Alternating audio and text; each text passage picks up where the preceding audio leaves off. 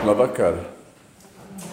Man ir liels prieks būt šeit atkal jūsu vidū pēc tik ilga laika. Kad cerējām no viena gada uz otru, ka būs iespējams, būs iespējams, būs iespējams, un tad Aivars un es, ka mēs runājāmies un bija plānot šī gada oktobrī, un tad mēs tā domājām, bet ja, ir, ja šis gads būs atkal tāds pats kā pēdējie divi, tad oktobrī varbūt nekas nevarēs notikt. Un tā kopā ar Aivu runājot, nolēmām, mēs pārcelsim to uz pavasari. Pirms sākās visi lauku darbi, bet kad varbūt laiks ir tāds, ka mums būs iespējams ja satikties. Un ka mums ir tāda iespēja arī par spīti tam ļaunumam, tam karam, kas notiek. Arī es par to domāju, vai es braukšu, un es domāju, es katrā ziņā nāca tāds brīdis, kad es teicu, es katrā ziņā gribu braukt. Jo brīdināja no tā, ka tikai tie 100 km starp Kaļiņģerādu un, un Baltkrieviju.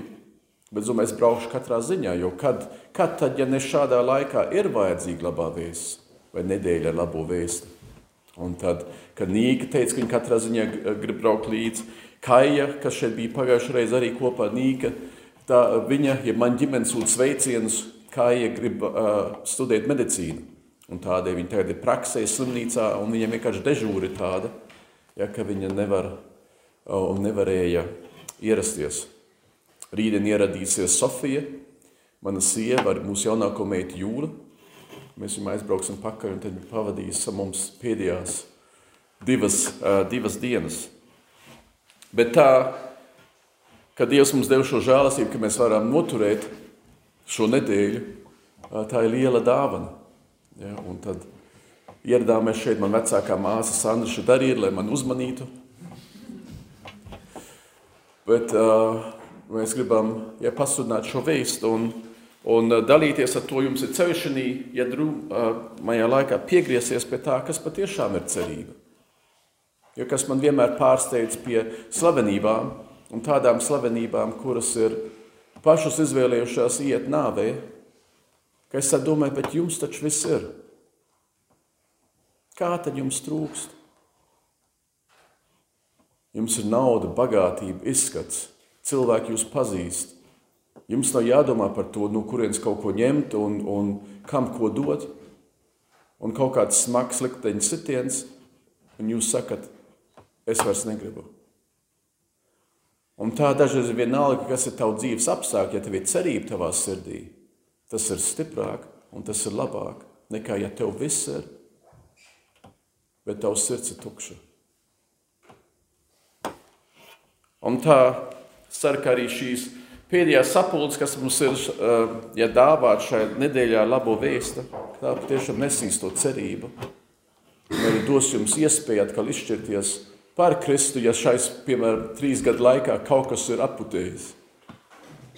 Ja, ka varbūt vajadzētu izvēlēt grāmatu no grāmatas kapjāra, un tad mums, mēs dzīvojam tādā vecā dzīvoklī, Tur tāds caurvējš vienmēr ir, ko gandrīz neman, bet tad to putekļi rodās, tu izvelc kādu grāmatu, kur neesi lietojis piecus gadus un viss noklāts ar putekļu. Tad tiešām jāuzpūš virsū, jānotīra, un kad šī, šīs dienas arī, arī būtu tādas, ka Dievs patiešām uzraug mūsu sirdi, un ka tie putekļi, kas mums ir bijuši, ka tie tiek notīrīti.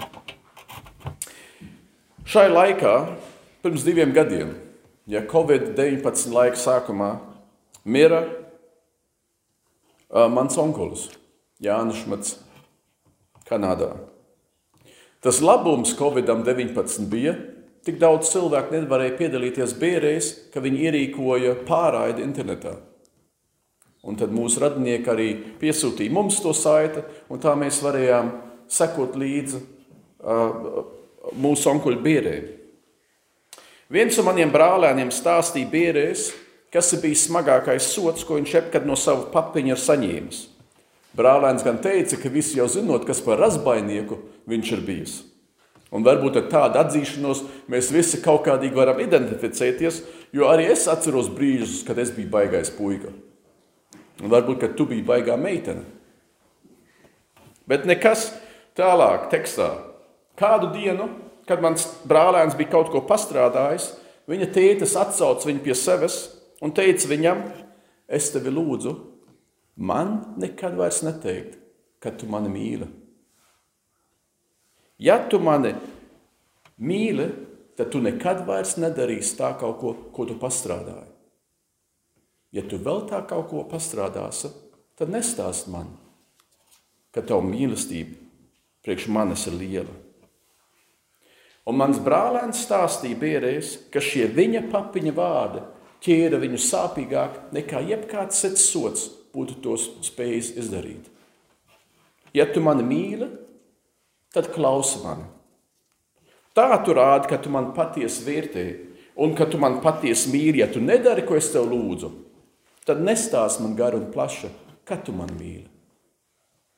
Jēzus teica Jāņa Evangelijā 15. nodaļā, jūs esat mani draugi, ja jūs darāt, ko es jums pavēlu.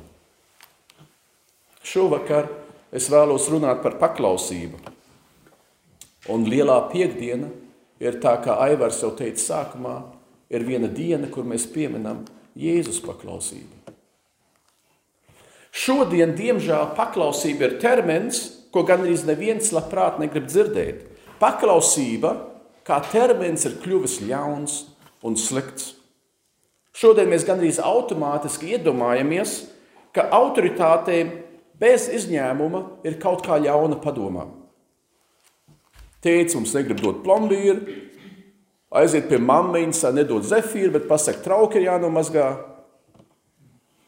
Aiziet kaut, kaut kur citur, bet mēs domājam, ka autoritātēm nav nekā laba padomā, viņas nemeklē mūsu labumu, tās meklē tikai savu pašu labumu. Un tādēļ sacelšanās un protests ir jaunais sauklis, zem kā mēs visi pulcējamies. Revolūcija ir, ko mēs gribam. Nost ar visām autoritātēm. Bet, ja autoritāte mums nevēlētu neko ļaunu, kas, ja autoritāte patiešām meklētu mūsu labumu? Un es šeit negribu runāt par personām, kas nodarījušas tev ļaunu, vai mums visiem, kas mūs ļaunprātīgi ir izmantojušas. Dažas to ir darījušas pat mīlestības vai Jēzus vārdā, bet tas neatbilst patiesībai. Jo ļaunprātīga izmantošana vai vardarbība, emocionāli vai fiziski, nekad vēl nav atbildusi mīlestības raksturam, par Jēzus raksturu nemaz nerunājot. Ļaunprātīga izmantošana ir un paliek ļauna, Un tā nāk no cilvēkiem, kas vēlnam ļauj darboties viņu sirdīs, un viņu prātā un dzīvē. Ja kāds nāk pie manis, es domāju, viņi man tā kārtīgi iešaus, es dabūšu tādu nokauta pusķieģeli pa seju, ja viņi kritizēs krustakarus, tad es viņus pārsteidzu ar to, ka es saku, es, es jums piekrītu. Krustakari gan, gan ir paveikti Jēzus Kristus vārdā, bet kas prot lasīt? un ir lasījis Bībeli, tas zina, ka ar krusakariem ar Jēzu nav nekā kopēja. Es jums šeit arī negribu stāstīt, ka jums tādiem, kas jūs grib apspiest, ir jāpadodas. Ja kāda autoritāte jūs ir savainojusi, tad tas nav kristiešu pienākums savu galvu atkal nolikt tajā pašā cilpā. Nē, tad jūs drīkstat piecelties, jūs drīkstat pretoties, jūs drīkstat bēgt. Ja jūs vērojat, ka kāds citu ievaino, tad tas ir jūsu kristiešu pienākums piecelties un iet vājajam palīgā. Kā jau Dievs pats saka, es esmu bāreņu un atraitņu Dievs. Es esmu tā laika sabiedrības vājo Dievs. Un vai tev, ja tu viņus ievainosi, vai tev, ja tu tos aizskarsi, es tevi saukšu pie atbildības. Bet šādā situācijā nonākušiem, ka kāda autoritāte mums dara pāri, vai ir nodarījusi pāri, mēs sastopamies ar kādu nopietnu izaicinājumu. Un tas izaicinājums ir, ka paklausība kā tāda ir viena dievišķa īpašība. Tas ir tikums, īpašība, kas atbilst dieva raksturam. Ja pasaule nebūtu ļauna, tad nevienam nenāktu, nenāktu paklausīt par ļaunu, bet šodien, un patiesībā jau kopš pasaule eksistē, šo dievišķo tikumu ļauni cilvēki izmanto savām vajadzībām.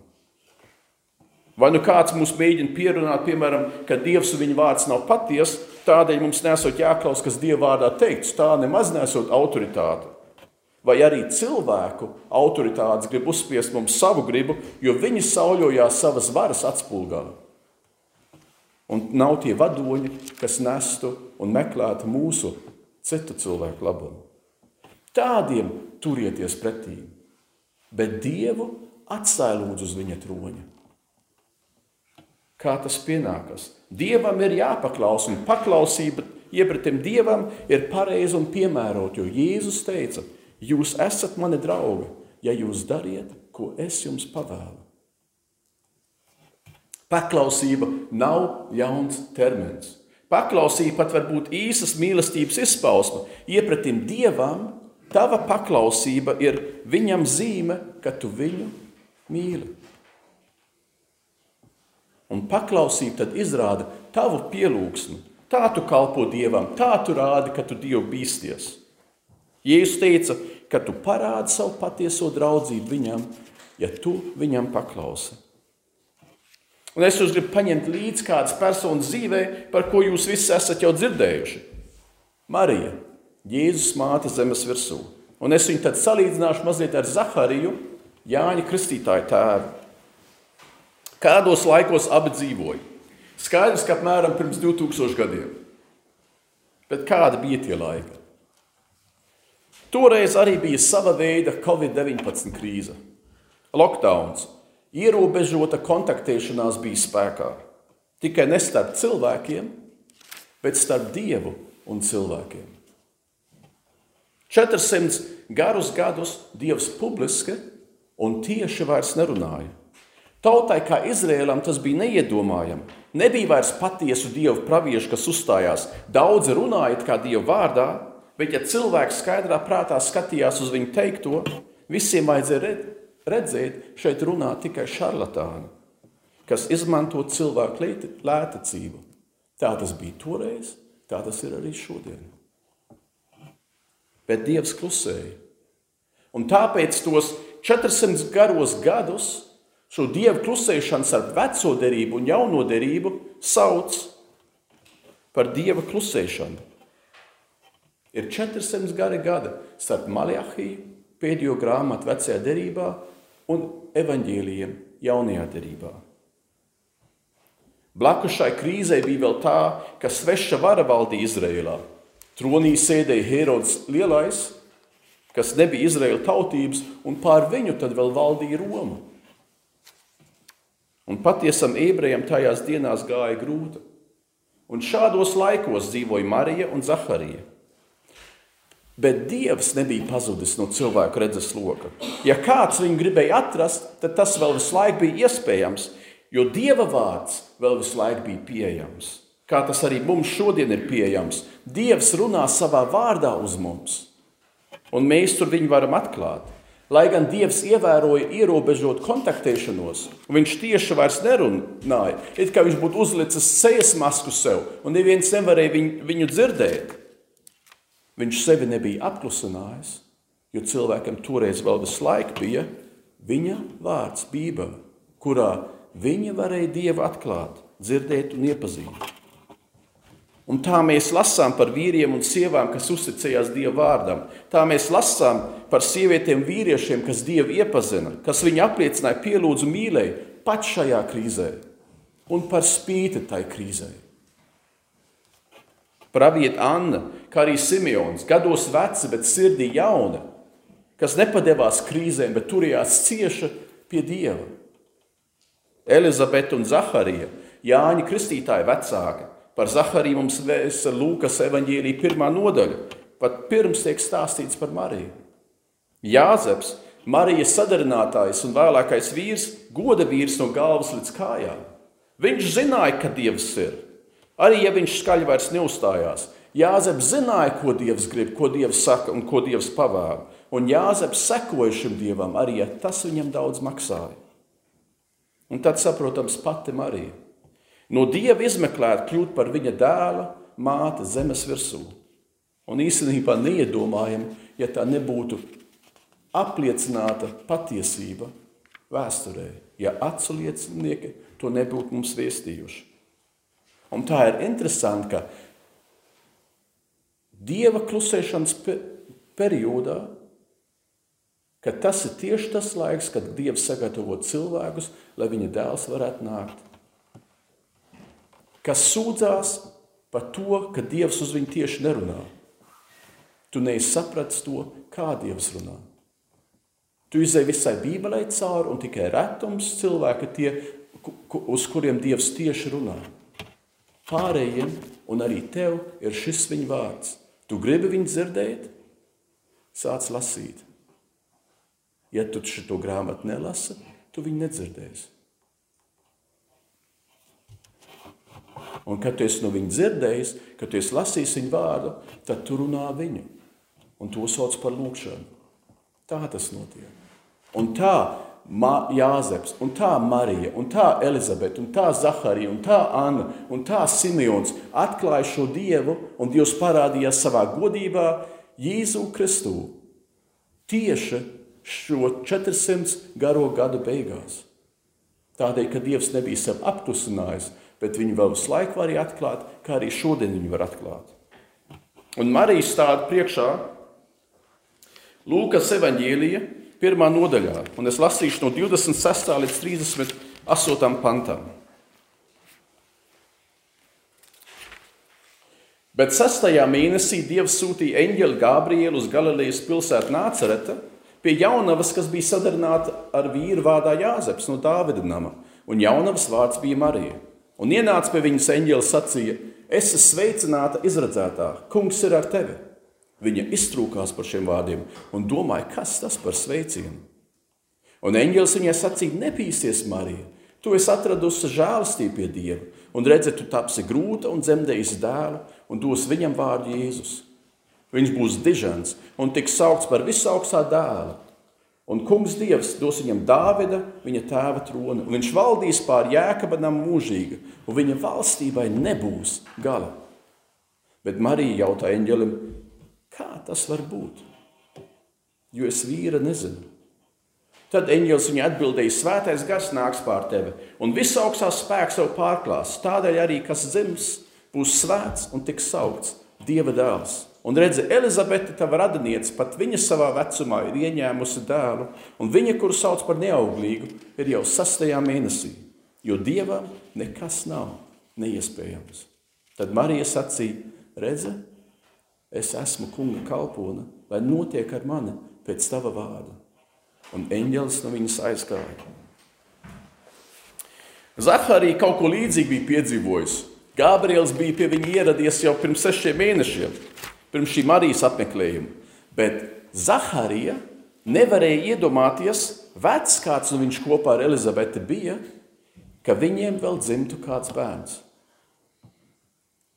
Īstenībā ja es to drīkst teikt, tas ir lustīgi. Pēc 400 gariem gadiem Dievs runā atkal tieši ar cilvēkiem. Viņi to visu laiku pēc tā ir noilgojušies, viņi uz to ir cerējuši, to viņi gribējuši ticēt, ka tas atkal reiz tā būs, un tagad tas notiek. Un cilvēks, kas īstenībā tic Dievam, tā apšauba Dieva gribu, ka viņš nespēja ticēt un paļauties uz to, ko viņš tagad beidzot dzird. Cilvēks tā apšauba dieva mīlestību un viņa varenību un spēku, ka nu viņš zaudēja savu valodu. Jo Dievs tā noteica, ka Zaharija nespēs runāt. Viņš tagad būs mēms. Līdz Jānis Kristītājs piedzims.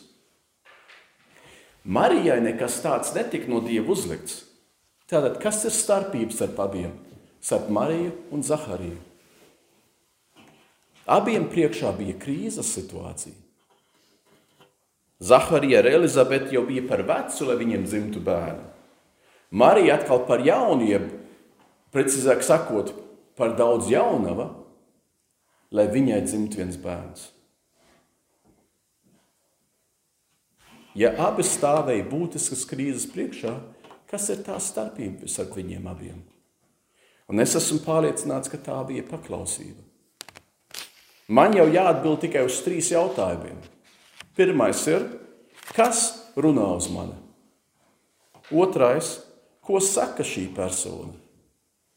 Un trešais, ko tieši tad man ir jādara? Marija bija atradusi atbildes uz visiem šiem jautājumiem. Tas bija Dievs, kas uz viņu caur Gabrielu runāja. Un, ja tas ir Dievs, tad viņam ir jāpaklausa arī, ja tas var būt sākam punkts kādai krīzei. Marijas krīze jau nebūs tikai tā, ka viņa ir jaunava un bez vīra viņa kļūst stāvoklī. Viņai vēl lielāka krīze bija priekšā. Viņu labākā gadījumā apzīmēs kā draiskula, un sliktākā gadījumā kā palaidne vai netekle. Jāzeps savukārt stāvēja krīzes priekšā, ka viņu izsmies par vīru, kam uzlikta raga. Un to dara pat vēl šodien, ka par viņu smējas. Kurš teica, ka būtu viegli dievam sekot no visas sirds? Gimnāzijā man bija skolotāji, kas nenogura man teikt, pastāvīgi man atgādināt, ticība ir muļķu mierinājums. Tagad, Amadei, tu zini, kas tu patiesībā esi. Paklausība, tā ir tā starpība. Un paklausība arī šodien ir bieži tas, kas atšķir mūs vienu no otra. Piekrist Dieva ceļiem un gribēja, arī ja tie liekas nesaprotami, un arī ja izskatās, ka tie mūs ievedīs vēl nevienā patiesā vai izjustā krīzē. Kādēļ tad paklausīt? Jo es zinu, kas runā. Dievs man nevēl nekā ļauna. Viņš ar mums nespēlējās. Mēs viņam nesam vienalga, jo viņš mīl mani un viņš mīl arī tevi. Un to mēs pieminam lielā piekdienā, pat savu dzīvību viņš ir devis par tevi. Tādēļ, ja es esmu sapratis, ko viņš man pavēla, tad man ir jāklausa. Ja es viņam neklausīšu, tad es īstenībā viņu nemīlu. Tā bija mācība, ko mans brālēns no sava tēva iemācījās. Ja ir tā, ka es esmu bijis nepaklausīgs, ja ir tā, ka tu esi bijusi nepaklausīga un tu to apzinājies šajā brīdī, vai tad tev vēl ir ceļš atpakaļ?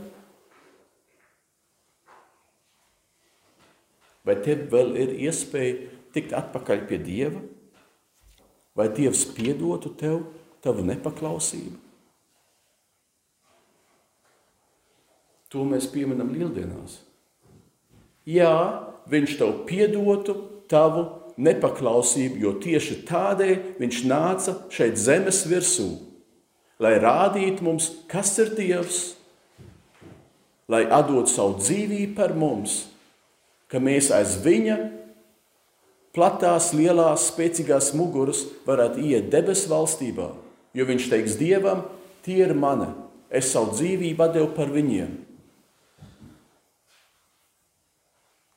Dievs ir pats apsolījis savā vārdā, ja atzīsimies savos grēkos, tad Viņš ir uzticams un taisns, un mums piedod grēkus un šķīstī mūs no visas netaisnības. Tas ir Dieva apsolījums. Un ja tu esi bijis, ne, ja tu esi bijis nepaklausīgs, tad tev ir iespējams šis ceļš uz atdošanu. Nebaidies un neļauj, ka kāds viltus kauns tevi attur no atzīšanās Dieva priekšā. Un es teicu, viltus kauns Tādēļ, ka Dievam jau nav nekā apslēpts. Viņš zina, ko tu teiksi, pirms tev vispār tā doma ir bijusi. Viņš zina, kas ir tavā, tavā sirdī, un viņš jau sen zina, par ko tu kaunies. Un tu sēdi un domā, ja tu to neminēsi, tad neviens par to neko neuzzinās. Vācijā nesauc tos par pelmeņiem, bet to sauc par, ma par maltašanu, zin, pat par mutes tādām somiņām, bet būtībā tie tikai liela pelmeņi. Dienvidvācijā tos izgudroja, un tas stāstīja tā, gadiņa laikā viens mūks atrada tikko kā mirušu vērsa, bet ir gaveņa laiks, viņi nedrīkst ēst gaļu. Viņš domā, tā ir tik laba gaļa, to lai es zinu, Tā, būt, tā arī būtu sūdzība pēc viņa domām. Un tad viņi izdevā, viņi pievāca to vērsi, sadalīja to gaļu. Un tā ģeniālā ideja, ja mēs iztaisītu pelmeņus no viņiem, Dievs neredzēs, ka mēs ēdam gaļu.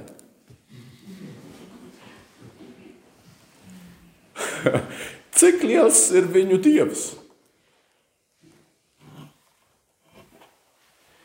Tādēļ viltus kalns. Dievs zina, kas ir tavā sirdī, Viņš zina, kas ir tavās domās. Ja tev ir kaut kas, kas tev nomāca, tu esi bijis nepaklausīgs, tev ir kauns, tad nāc viņa priekšā un atzīsties. Viņš jau sen uz to gaida, viņš jau sen uz to zina. Viņš, un tad viņš tev piedos, un tad viņš tev šķīstīs no visas netaisnības, un tad tu būsi brīvs. Es taču zinu, kā tas jūtas. Pat Bībelē, psalmos ir tas rakstīts, kad es neatzinos savā vainā, mani kauli tā kā izžuva. Es zinu, kā es jūtos, kad es esmu vainīgs un neesmu izdarījis vai atzinies, vai man ir piedots, un es zinu, kā tas man tā spiež uz dvēseles. Man nav prieka dzīvot. Man nav spēka. Tātad, ja tu esi nepaklausīgs bijis, un tev tas ir, tu to apzinājies šovakar, tad es tev lūdzu, ka tu šovakar patiešām atzīsties savā grēkā. Jo Jēzus tad tev to piedos. Lūdzu viņam piedošanu, un tu būsi tīrs un šķīs, un tu varēsi ar prieku atkal dzīvot atbrīvots.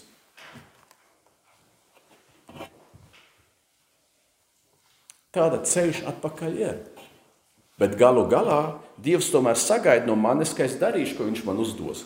Galu galā Jēzus sagaida no tevis, ka tu darīsi vienalga, ko, ko Viņš pavēla.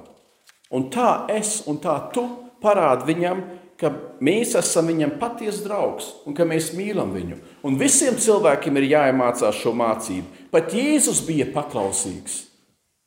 Jānis raksta par Jēzus krustā sišanu.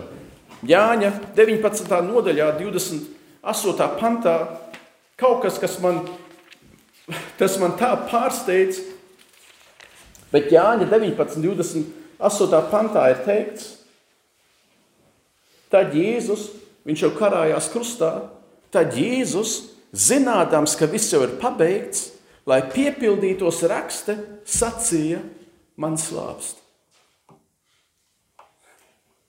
lai piepildītos raksta. Jēzus zināja, ko viņam vajadzēja teikt, jo tā tas bija rakstīts rakstos, Bībelē. Un tad viņš to arī teica, jo viņš paklausīja Dievam un viņa vārdam. Šo paklausību Jēzum gan vajadzēja iemācīties, kā arī katram no mums ir jāiemācās paklausīt. Ir laikam tā, ka pēc mūsu rakstura mēs nepaklausām pašsaprotam. Ebreju vēsturē rakstīts, kad Kristus savā zemes dzīves dienās ar skaļu kliekšanu, asarām raidīja daudz lūgšanu, saucienu pēc palīdzības tam, kas viņu spēja izglābt no nāves, viņš tika uzklausīts savas padevības dēļ. Un, lai gan viņš bija dēls, viņš mācījās paklausību ciešanās.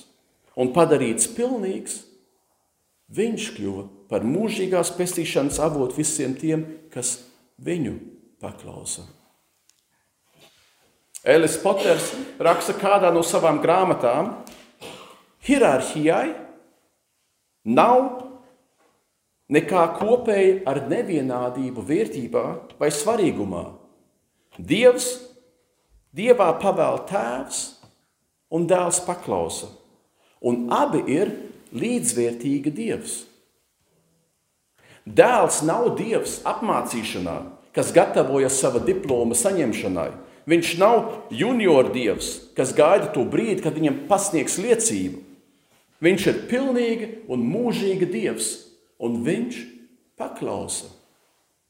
Šis priekšstats par Dievu neatbilst mūsu šodienas kultūrā, jo mēs domājam, ka mēs esam vairāk cilvēks un ka mēs esam dzīvāki, ja mēs pavēlam. Un mazāk cilvēks, ja mēs paklausām. Bet tas nav pareizi, ja esam radīti pēc dieva līdzības. Paklausīt ir tikpat dievišķi kā pavēlēt, un ar to paklausīt ir tikpat cilvēciski kā pavēlēt. Diemžēl hierarhija un autoritāte briesmīgi izmanto ļaunprātīgā veidā, un tas noved pie lielām ciešanām. Tomēr, ja hierarhija ir daļa no dieva, tad viņa kā tāda nevar būt mūsu ciešanu cēlonis. Un Bobam Dilanam ir taisnība, kad viņš teica, kādam tev ir jākalpo. Kādam tu klausīsi?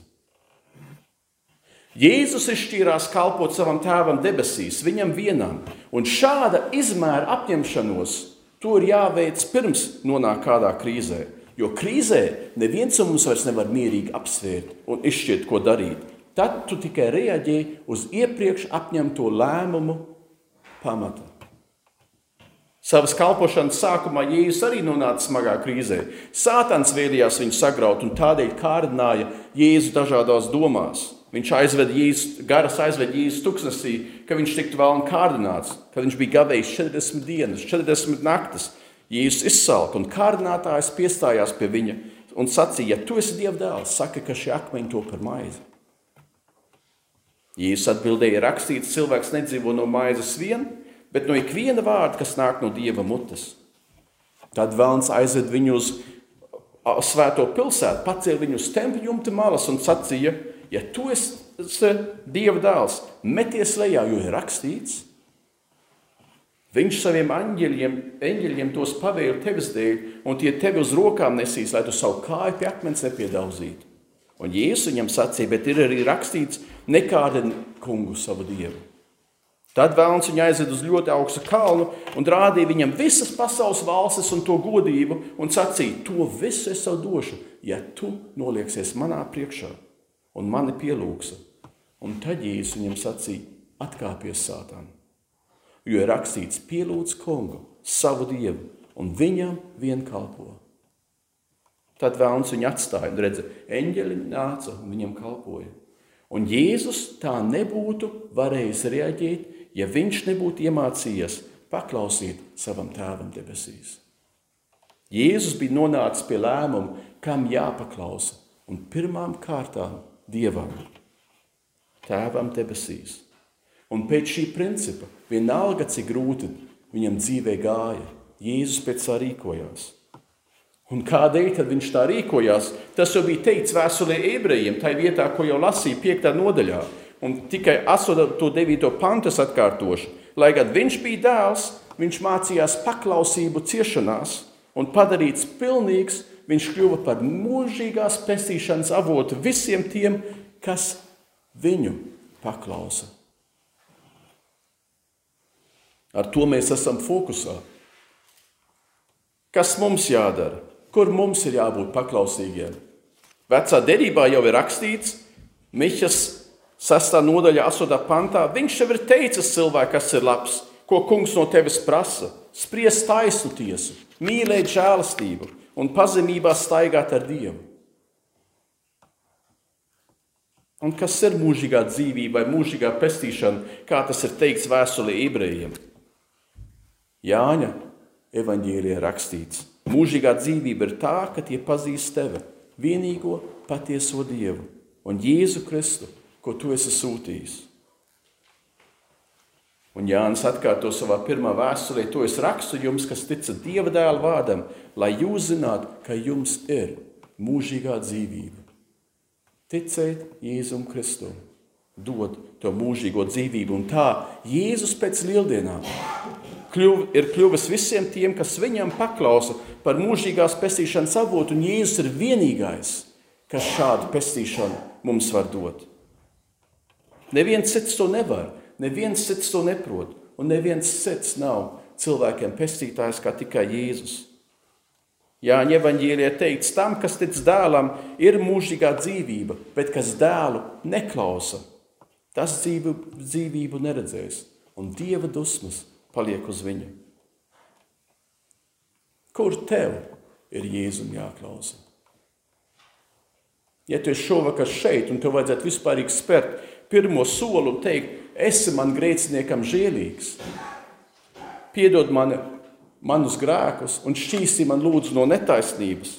Ja tu vēlies spērt šo soli, tad, kad mēs dziedāsim dziesmu vai, vai tiks dziesmu spēlēt, es sev ielūdzu nākt uz priekšu un izteikt šo savu vēlēšanos apliecināt cilvēku, apliecināt neredzamās un redzamās pasaules priekšā, ka tu vēlies saņemt šo grēku piedošanu. Tu gribi Jēzum paklausīt, ja viņš tev mudina darīt to, spērt šo soli, tad dari to. Un tikai tad tu sāksi dzīvot, kā cilvēks ir domāts. attiecībās ar Dievu, tā kā Viņš mūs radījis. Un nebaidies, ja tev ir jautājums par to, es labprāt tos atbildēšu. Es tev neapkaunināšu, es tev nejautāšu kaut ko tādu. Ja par ko tev bail? Es neesmu Dievs. Bet tu varēsi viņu lūgt, lai viņš tev piedod. Un ir labi tad publiski spērt šo soli, kad liecinieki ir apkārt. Jo tā tu pasaki, jā, katrā ziņā, un tas notika 15. aprīlī 2022. gadā. Es izgāju priekšā, es izšķīros. Es lūdzu atdošanu, man ir piedots. Un tad, ja Sātans nāks un teiks, hei, tu, tu izgāzi podas atkal, tu šausmīgais cilvēks, tā kā Mārtiņš Luters teica, un tad es saku vēl tam, jā, tev ir pilnīgi taisnība, es esmu šausmīgs cilvēks. Bet Jēzus Kristus savā mīlestībā mani atpestīja. Viņš piedeva man manus grēkus, un tādēļ es stāvu Dievu priekšā taisnots. Ne sevis paša dēļ, ne sevis paša taisnības dēļ, bet tādēļ, ko Kristus par mani darījis. Un ja tu jau šo soli spēris, tad arī es tevi tev jautāju, kur tev ir jābūt paklausīgam. Varbūt Dievs tev uz kaut ko skubina, un tu neesi līdz šim reaģējis. Kur tev ir jāklausa? Piedot citiem, izrādīt žēlsirdību, mīlēt Dievu atkal no jauna, būt uzticīgam, klausīties viņu, tas ir lasīt Bībeli, runāt ar viņu, tas ir lūgt, būt atkal attiecībās ar viņu, būt attiecībās ar cilvēkiem. Varbūt tev jāsatiekas ar saviem vecākiem, vai ar saviem bērniem, vai brāļiem, māsām, vai draugiem, lai pēc laba laika atkal viņiem izrunātos. Varbūt tev ir jāizlīdz ar kādu. Ja Dievs uz tevi to skubina, un tu vari to pārbaudīt, ka tas ir Dievs. Ja tu neesi par to drošs, nāc uz priekšu. Šeit būs Aivars, divas Sandras, ka par tevi var, par tevi var aizlūgt lai tu tev palīdzētu to izprast. Bet, ja Jēzus tev uz kaut ko skubina, tad Jēzus teica, jūs esat mani draugi, ja jūs darat, ko es jums pavēlu. Tā es lūgtu, ka nāktu, lai spēlētu. Un tu, ja tevī ir patiešām kaut kas tāds, tad nekavējies vairs un spēr šo paklausības soli. Noņemies savā sirdī šodien Dievam klausīt, jo paklausība ir tas, kas veido starpību, kas bija starpība starp Mariju un Zahariju, un kas arī var mūsu dzīvēs veidot starpības ar to, kāda mēs bijām un kāda mēs būsim. Paklausība nav ļauns termins. Paklausība atbilst tam, kas Dievs ir, jo Jēzus paklausīja. Un tā arī Viņš mūs sauc, paklausi man, jo es runāju.